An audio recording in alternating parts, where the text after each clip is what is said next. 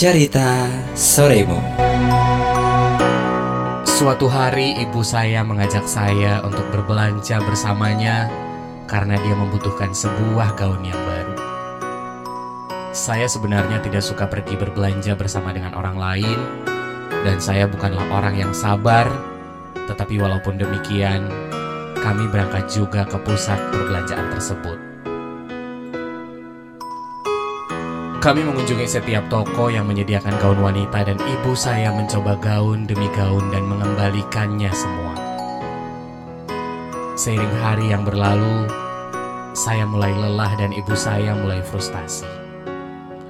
Akhirnya pada toko terakhir yang kami kunjungi, ibu saya mencoba satu setel gaun biru yang cantik terdiri dari tiga helai.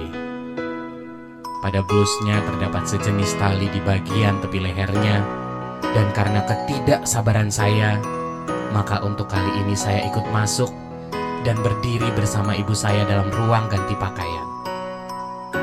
Saya melihat bagaimana ia mencoba pakaian tersebut dan dengan susah mencoba untuk mengikat talinya. Ternyata tangan-tangannya sudah mulai dilumpuhkan oleh penyakit radang sendi dan sebab itu dia tidak dapat melakukannya. Seketika ketidaksabaran saya digantikan oleh suatu rasa kasihan yang begitu dalam kepadanya. Saya berbalik pergi dan mencoba menyembunyikan air mata yang keluar tanpa saya sadari. Setelah saya mendapatkan ketenangan lagi, saya kembali masuk ke kamar ganti untuk mengikatkan tali gaun tersebut. Pakaian ini begitu indah dan dia membelinya.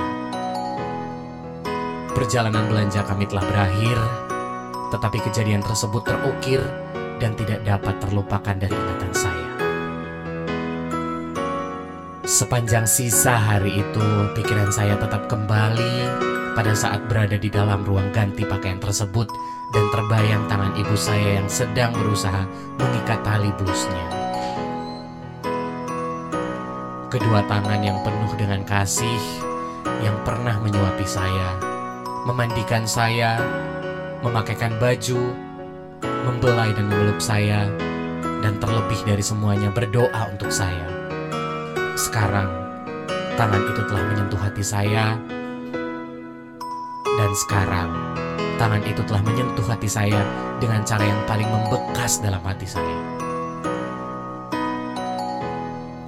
Kemudian pada sore harinya, saya pergi ke kamar ibu saya, mengambil tangannya, menciumnya dan membuatnya terkejut memberitahukannya bahwa bagi saya kedua tangan tersebut adalah tangan yang paling indah di dunia ini.